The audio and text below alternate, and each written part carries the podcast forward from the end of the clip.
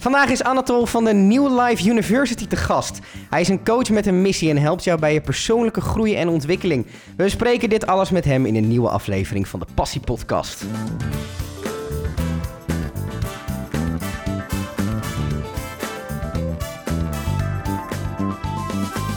Anatol, fijn dat je er bent. Ehm, wanneer wist jij dat je dit wilde gaan doen? Toen ik 23 was. Dat is, hoe lang is dat nu geleden? Heel lang. dus, dat is nu, uh, is in 93 was dat. En ik ben nu, uh, ik ben uit 70, dus ik was 23. Ja. En, en hoe kwam dat op je pad?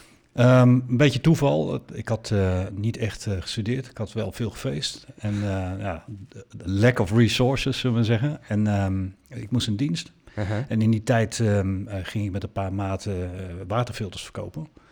En uh, dat ging soms heel goed, soms niet goed. En uh, we hadden heel veel trainingen hoe, hoe je dat moest doen. Mm -hmm. En dat was persoonlijke ontwikkeling. Rechtstreeks uit uh, de koken van de, de, de rah-rah guys uit Amerika. De echte slikke sales man, guys. Man, dat was heftig. Het was ook helemaal niks voor mij. Maar -huh. dat was wel de tijd dat ik in aanraking kwam met, met personal development. Door, mm -hmm. door de, de, ook de juiste boeken te kunnen lezen. En uh, ja, toen kwam er een, een enorm toeval. Ik, ik, was bij een presentatie en de gastheer komt naar me toe en hij zegt... Ja, uh, man, uh, de spreker is er niet. jij staat op het podium, doe jij het maar. en toen moest je alles wat je in die boeken had gelezen... Ja, dat moest ging je... ook allemaal mis.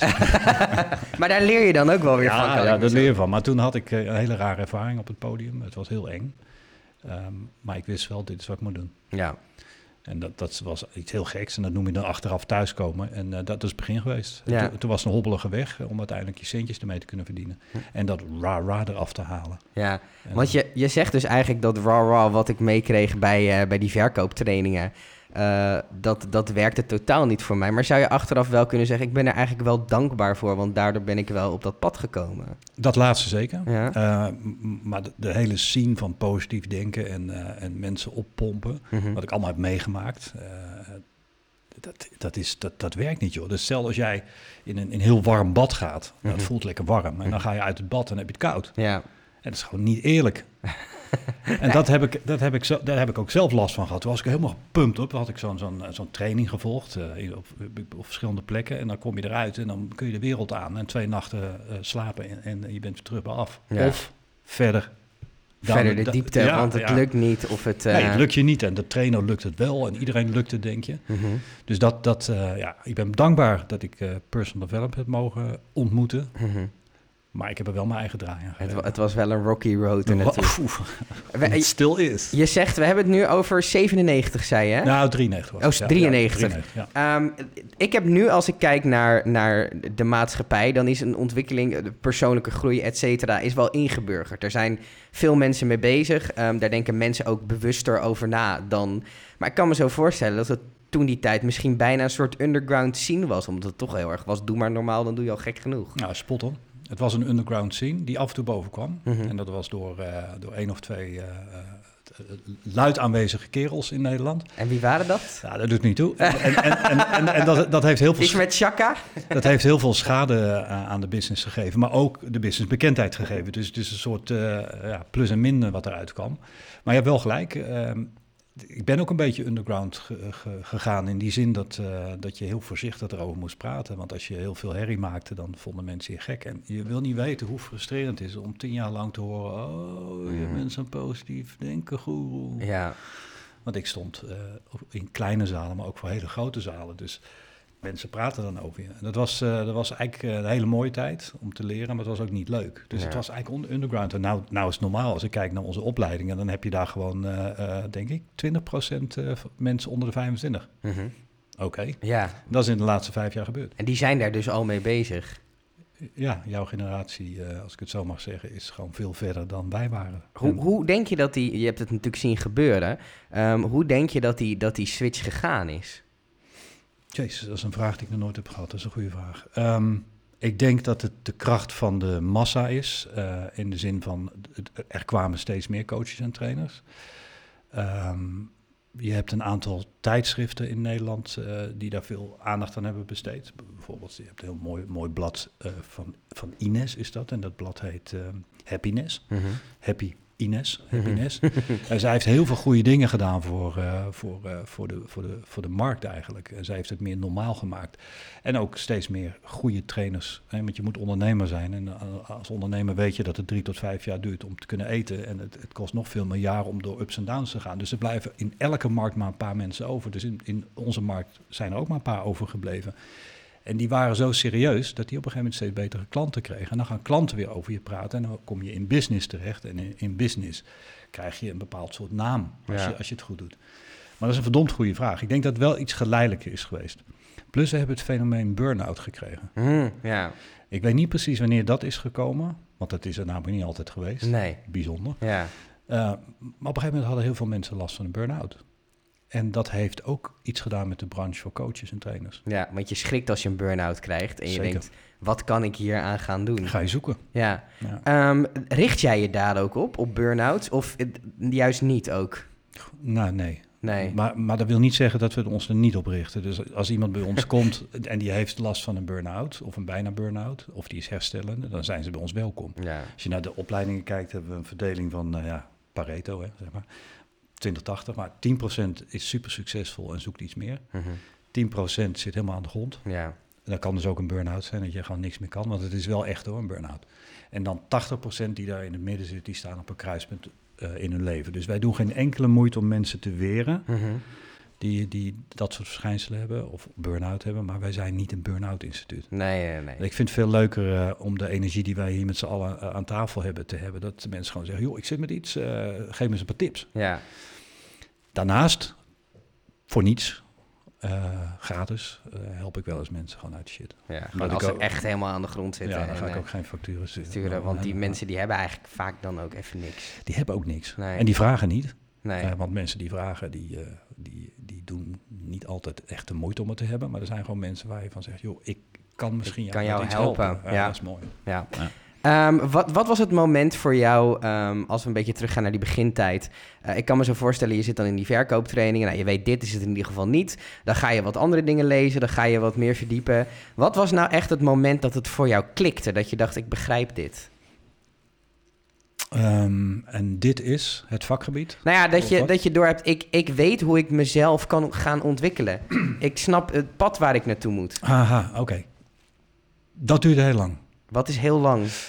Tien jaar. Omdat, Dat is heel lang. ja, weet je waarom? Um, en achteraf denk ik, ja, Jezus, het stond al in het eerste boek wat ik las. Mhm. Um, ik heb zo ongelooflijk veel boeken gelezen, Mhm. omdat ik telkens op zoek was naar de secret of succes. Uh-huh. En wat definieerde jij toen als succes? Dat is, ja, dat is een definitie. Toen, toen dacht ik van, ah, ik moet dan snel carrière maken, veel verdienen, lalala. Ja, Uh, helemaal voor teruggekomen. Maar ik was gewoon op zoek naar, wat, wat is nou secret of succes? Hoe, hoe krijg je nou het leven wat je wil? Mhm. En ik heb het uiteindelijk ontdekt. Wat was het voor jou dan? Actie. Gewoon, er moet wat gebeuren. hey, ik heb zoveel mensen ontmoet, en ik ben er ook één van geweest, en soms ook nog wel eens. Je weet wat je moet doen, maar je doet het niet. Mhm, mhm. Hoe bedoel je dat? Je weet ergens diep van... Je weet wat je moet doen. Hè, dat ene telefoontje, die ene brief beantwoorden, die ene e-mail. En dat is ene juist wat je niet gaat doen. Exact. En, en, en dan, ja, dan kun je op zoek gaan en dan, dan zeg ik tegen jou, hmm, Hm. misschien moet je het gewoon doen. Maar het is angst te overwinnen dan eigenlijk. of- Ja, vaak wel. Vaak. Kijk, eh, het, het hele leven draait om emoties. Mhm, That's it. Dus een emotie is fijn, dan haal je het beste uit jezelf en dan doe je dingen die je moet doen. Of een emotie is niet fijn en je doet niet wat je eigenlijk moet doen. Mhm. Het enige wat je nog bij nodig hebt is een strategie, de juiste stappen. Mhm. Als ik bepaalde dingen wil doen met een Windows-machine, lukt niet. Daarom heb ik een Mac. En vice versa, is bepaalde software weer niet op de Mac, dan moet je Windows voor hebben. Mhm, Dus je hebt toeltjes nodig, stappenplannetje, een beetje kennis. mhm, Maar het is vooral emotie. mhm. Hoeveel mensen niet vragen om time management? En dan zeg ik, joh, time management, je weet prima wat je moet doen. Mhm. Alleen op het moment dat je het moet doen, doe je het niet, toch? Ja, dat klopt. Dan ga ik naar Dumpert. Ja. Oh, dat is goed. Dumpert is goed. Dan zeg ik, Dumpert moet je volhouden. Dumpert Ik zit moet je elke- zeker- Ik zit elke dag op Dumpert. Dumpert moet je zeker volhouden, want dat maakt het leven ook een stuk, eh, stuk grappiger. Ehm, ja, ik snap waar je naartoe wil. Ehm, maar hoe, hoe help jij dan mensen met, met... Want er zit dus blijkbaar een soort blokkade. Je weet van, oké, eigenlijk wil ik dit uit het leven halen en wil ik dat doen. En op een of andere manier zit je toch bij die kantoorbaan waar je ongelukkig bent. Hoe, hoe ga je die, die stap dan voor jezelf maken? Want het kan ook heel eng zijn. Nou ja, het is eng hè. Dat is een populaire uitspraak in ons vakgebied. Feel the fear and do it anyway. Ja, maar... ja lachen, maar ja, hoe, hoe doe je dat ja, dan? exact dat. Nou, wat, wat in ieder geval helpt is dat je stopt met positief denken. Uh Dat, dat is gewoon niet goed voor een mens. Dat heb ik weinig mensen horen zeggen. Je moet stoppen met positief ja, denken. Nou, ik vind dat je stop, moet stoppen met positief denken. Je moet wel handig denken. Mhm. Hè? Dus als er shit gebeurt, ik heb mijn pa verloren omdat iemand een medische, eh, of dat er een medische fout werd gemaakt, daar kun je niet tegen positief op denken. Nee. Die vent komt niet meer terug, die is gewoon weg. Hoe ik ermee omga, daar kun je wel. Mhm. En dat hoor je vaak. eh, eh, dat, dat hoor je ook vaak trainers en coaches zeggen. Je moet leren omgaan met de dingen die er gebeuren. Maar om jouw vraag te beantwoorden, wat moet je dan doen als je eigenlijk wel weet dat je iets moet doen of wat moet doen? Je bent bijvoorbeeld niet tevreden in je job. En je hebt alles al geprobeerd. Je hebt met je collega's gepraat, je hebt met je leidinggevende gepraat. Dan moet je eerlijk zijn. Wat is de reden dat je het niet doet? En dan is het vaak de huur. Dan is het vaak de hypotheek. Dan is het vaak je partner of het is de sociale druk. Dan is de volgende vraag die je zelf moet stellen: ik geef toe aan al die zekerheden, dus ik blijf. Hoe ben ik over tien jaar aan toe? Mhm. Nou, met dit soort vragen, en ik heb er nog een, nog, een, nog een aantal vragen, plus een aantal technieken, die ik met je kan doen, maar je vooral kan leren, zodat je mij niet meer nodig hebt. En dat zijn technieken die ik uh, voor 95% heb geleerd van anderen. Mhm. Dus heb ik niet zelf verzonnen. 5% heb ik, heb ik zelf een paar dingen uitgevonden. Maar that's it. Het mooie is, je kunt dat leren. Je kunt leren om eigenlijk eerlijk tegen jezelf te zijn. Mhm. Maar het is moeilijk. Ik heb drie keer een baan opgezegd, man, zonder, uh, zonder uh, een nieuwe baan. Baat het in het zweet wakker? Of? Twee, twee keer. Nee, twee keer niet. Twee keer was ik op het moment dat ik wegreed. Oh, die beelden heb ik nog in mijn hoofd. Wegreed en het had gedaan uh, tegen iedereen's advies in, maar wel mijn buik gevolgd of mijn hart gevolgd. Voelde goed. Maar die, die andere die was heel erg rot. Waarom? Ja, ik had op dat moment uh, echt een, een, een, ziek hoog inkomen. Mhm. Voor, voor, die tijd en voor, voor mijn leeftijd. Dus ik, ik zat op 10.000 gulden per maand meer. Nou, dat is echt veel. Dat heb ik nog nooit meegemaakt. Dan ga je er ook naar leven. Ja. Dus ik had een echt hele vette, coole Visa Goldcard. Ja. en die, die ging regelmatig de toonbank op, zeg maar. Die was fucking leeg. En, en dat is geen 2.500 uh, gulden. Dat was toen de tijd iets meer. Daar heb ik lekker van gereisd en zo. En mm -hmm. dat kon prima uh, betalen. Totdat je dan gewoon je baan opzegt. Mm -hmm. ja. ik, ik, romantiseer het nou iets. Maar ik, ik, heb toen mijn baan opgezegd met een levensstijl die, die, die, die dat eigenlijk niet toeliet. Mm -hmm dan is het wel even billen knijpen. Ja. Want dan blijven die factuurtjes en mm -hmm. die rekening, die blijven gewoon doorgaan. Ja. En dat is wat ik niet zo, zo soms ook tegen heb op positief denken. Dat is de laatste keer dat ik het dan zeg. je, je, je, moet, je moet leren relati- uh, realistisch te denken. Mm -hmm. En de juiste leraren te vinden. Of dat nou een coach of een trainer is, of dat nou een opleiding is, of hoe je het ook wil noemen. Of het is gewoon iemand die het al heeft bereikt wat je eigenlijk wil bereiken. Mm -hmm. um, dan ga je in die, in die vorm ga je hulp zoeken of ga je naar mensen kijken of de juiste boeken lezen. Maar dan ga je het reëel aanpakken. Want voor bijna alles is een oplossing. Er is nog nooit één probleem in de wereld geweest dat niet is opgelost. Mm -hmm. Alleen soms duurt het even. Zeker nu. ja, zeker. Zeker deze hele... Het is uh, vrijdag, heel stem. En vanavond hebben we weer een corona-lockdown. Heel, ja, uh, heel relevant in deze tijd, ja. Um, je had het net even over die Visa Gold Card dan. Um, is dat dan je geluk zoeken in externe dingen? Ja. Is dat, is dat fout? Nee. Ligt dat eens toe? Ja, jee, hoe lang heb je? Uh, kijk, mijn eerlijke antwoord is, ik weet het niet. Want wie ben ik om dit soort levensvragen eigenlijk te weten? Mm -hmm. Hetzelfde als je tegen mij vraagt, en uh, bestaat God? En uh, is er leven na de dood? Dan kan ik wel vertellen dat ik een interview heb gehad met Pim van Lommel... die dan heeft onderzocht... Mm. Uh, die heeft onderzocht, uh, wetenschappelijk onderzocht en ook gepubliceerd dat er waarschijnlijk leven na de dood is. Ja. Hij doet onderzoek naar bijna doodervaring, ja, toch? Ja, ja, Maar ja, maar wie ben ik? Dus even pas op de plaats, maar om, jou, om jouw vraag te beantwoorden, um, stel hem nog eens. het ging over die Visa Gold Card. Ja, je, wat jouw vraag je is, geluks, je zoek geluk je dat naar zoeken, buiten? Of ja. bedoel je dan dat dat dingen zijn die je koopt? Of? Nou ja, de, de vraag is dus, je, je zou een soort skill kunnen maken. Want je zou kunnen zeggen, als ik, um, weet ik veel, als ik heel veel alcohol koop... dan is dat een soort van niet je, je, goed, je goed... Je zou kunnen zeggen, als je bijvoorbeeld reizen noemt... dat Mhm. verrijkt je leven ook weer. Mhm. Dus er zit denk ik ook een soort, soort slide in. Zo bedoel je hem. Ik denk dat je als mens een mens bent. Mhm. En uh, ik had het al over dat het hele leven draait om emoties. Nou, emoties kun je op een paar manieren krijgen. Dat is een bepaalde manier van denken. Dat zijn hormonen, of dat zijn de stoffen die je tot je neemt, of de informatie die binnenkomt via je zintuigen. Meer opties zijn er eigenlijk niet. Nee. Nou, als je het inneemt met pillen en, en andere zaken, dat is lekker snel. Dus een paar padders naar binnen tikken en uh, nou, je zit gelijk op een goed level.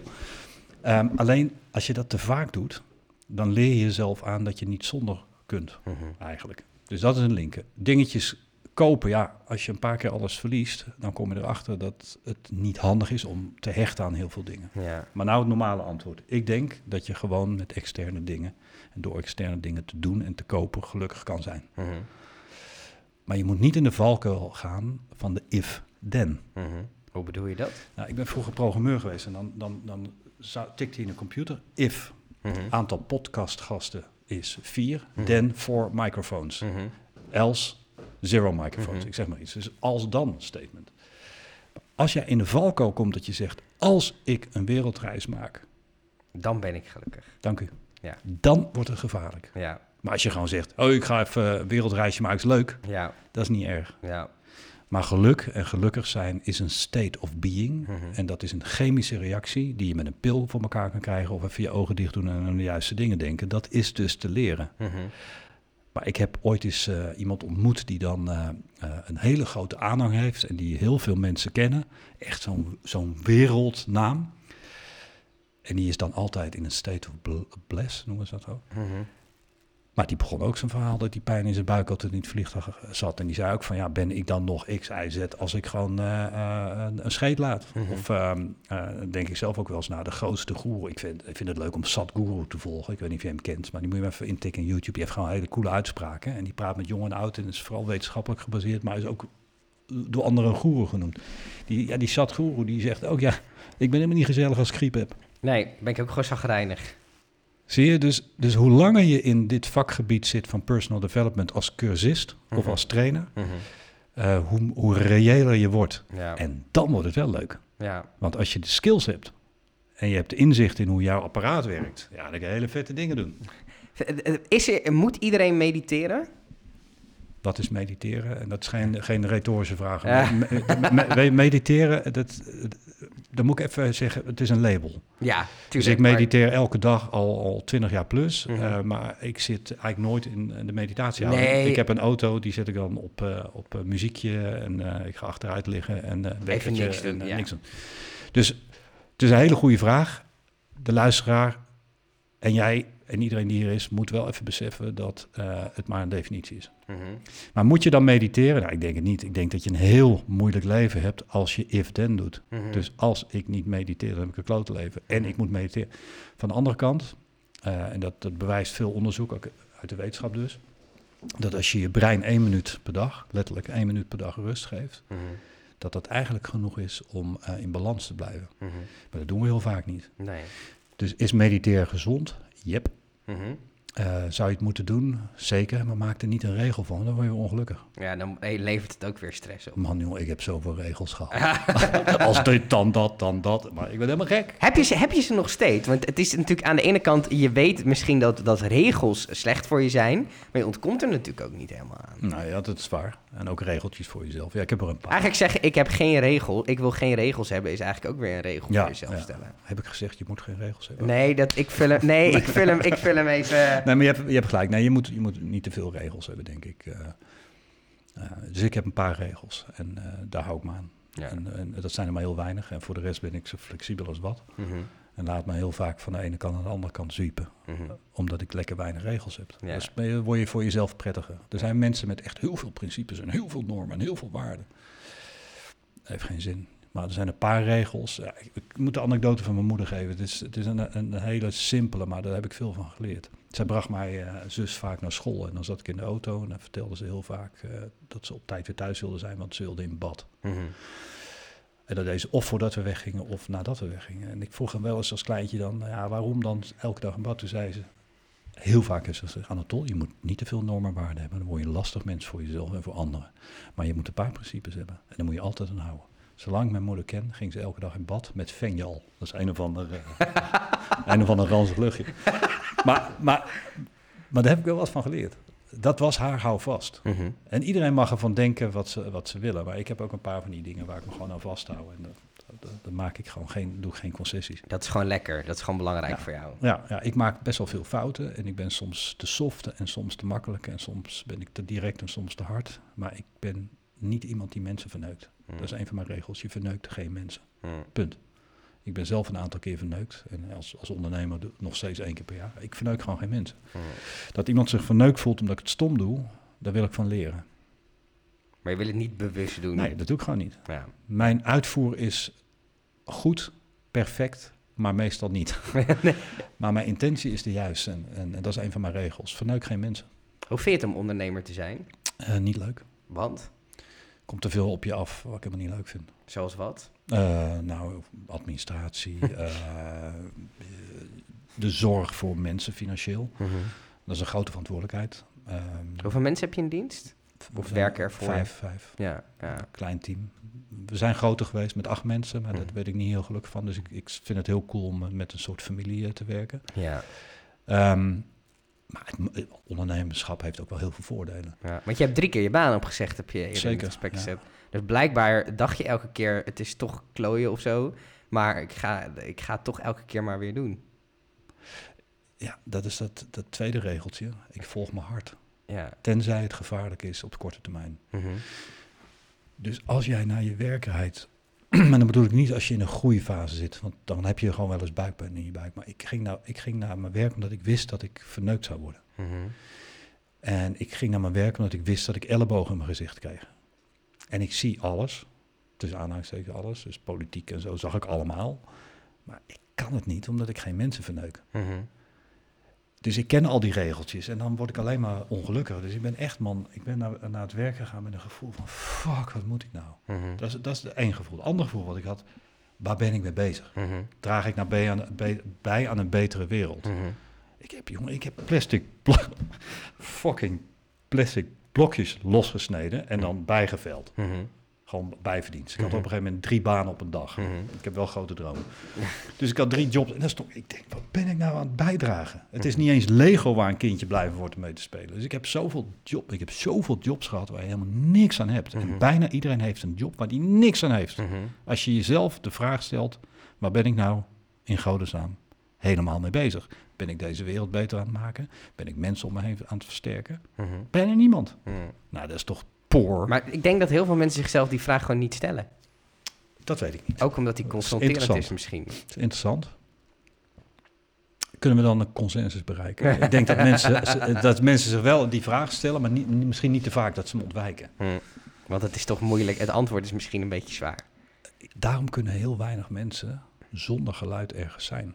Of er is altijd een radio aan, Mhm. of er staat een podcast op, of eh, er moeten mensen om, ze- om hen heen zijn, of er moeten heel veel dieren zijn. Dat is geen hint naar een collega van mij, maar, dat, dat, maar, maar er zijn maar heel weinig mensen die stilte aan kunnen. Mhm. Ga maar eens gewoon 10 minuten geen fok doen Mhm. in je auto, zonder radio. Ja, nee, Zonder ja, podcast. zeker, zeker. Ik herken dit super Doe ik het goede? Ja, Moet ik dat wel doen? ja, ja. Twijfels. Ik heb, ik, heb ze, ik heb ze zelf ook, alleen ik heb geleerd om het echt te laten zijn. Wat, is het mooi, wat is het mooiste wat je ooit voor iemand hebt kunnen doen? Ehm Oeh, er zijn er veel dingetjes. Eh, Je moet er, je moet er eentje... Oké, dat is iemand van een eh posttraumatisch stresssyndroom afgeholpen. Ja. Dat was een soldaat die eh, Ja. op jonge leeftijd gewoon hele coole dingen dacht te gaan doen. En die kwam gewoon in een hele dirty wereld terecht. En die had posttraumatisch. By the way, had mijn vader ook, door ze, dat hij vluchteling was. Maar ik heb hem nooit kunnen helpen, omdat hij mij als zijn zoontje zag. Ja. Dat was natuurlijk, en is een van mijn drijfveren. Maar dat is wel mooi, jongen, als iemand niet meer eh, schreeuwend wakker wordt in zijn bed. Ja. Ja. Gewoon doordat je een bepaalde techniek toepast, eh, die te leren is, eh, die je bij jezelf kan doen of bij anderen, dat is wel heel cool hoor. En heel veel mensen heb ik van fobie afgeholpen. Dat is ook heel fijn dat mensen weer op vakantie kunnen, omdat ze geen vliegangst Ja. meer hebben. ja. Gewoon die dingen die het leven zo de moeite waard maken. Ja, ja het zijn vaak eh, voor anderen kleine dingen, maar voor jou kan het heel groot zijn. Ik ben zelf bang van spinnen geweest. Mhm. Dat is heel moeilijk als je de wereld over wil reizen. Dus ik ben pas gaan reizen toen ik mezelf van een spinfobie heb afgeholpen. Daar mag je mijn vriendin ook een keer vanaf helpen. hey, Anatol, jij zei hem ergens ehm, in het begin van dit gesprek... ehm, je moet jezelf af en toe de vraag stellen... als ik zo doorga, wat doe ik dan over tien jaar? Eh, wat is voor jou daarop het antwoord? Alles wat ik doe gratis. Ik vind het zo raar dat ik geld moet vragen voor persoonlijke ontwikkeling. Omdat het meestal al spirituele, duizenden jaren oude wetten zijn. Maar je moet ook eten. Zeker, dus ik zou ook zeker een, een soort geldmachine moeten hebben. Maar je vraagt ja, nee, ik zou willen. En over tien jaar, nou, dan wil ik gewoon uh, honderden mensen, misschien wel duizenden mensen blijven helpen, maar dan uh, gratis. Ik ga jou een compliment geven, man. Dankjewel. Ik word in het gesprek gezogen en dat kunnen niet veel mensen. Dus jouw manier van vragen stellen is heel erg cool. Ik, uh, word jij was er echt bij, man. Ik word je een beetje verlegen van. Ja, maar joh, ik heb zoveel mensen gesproken, maar jij was er echt bij. Je stelde mij vragen. Hm. En je luisterde naar het antwoord, dus pak die maar mee. Dat maak ik niet vaak mee. Dankjewel voor een hele boeiende passiepodcast. Cool. Thank you.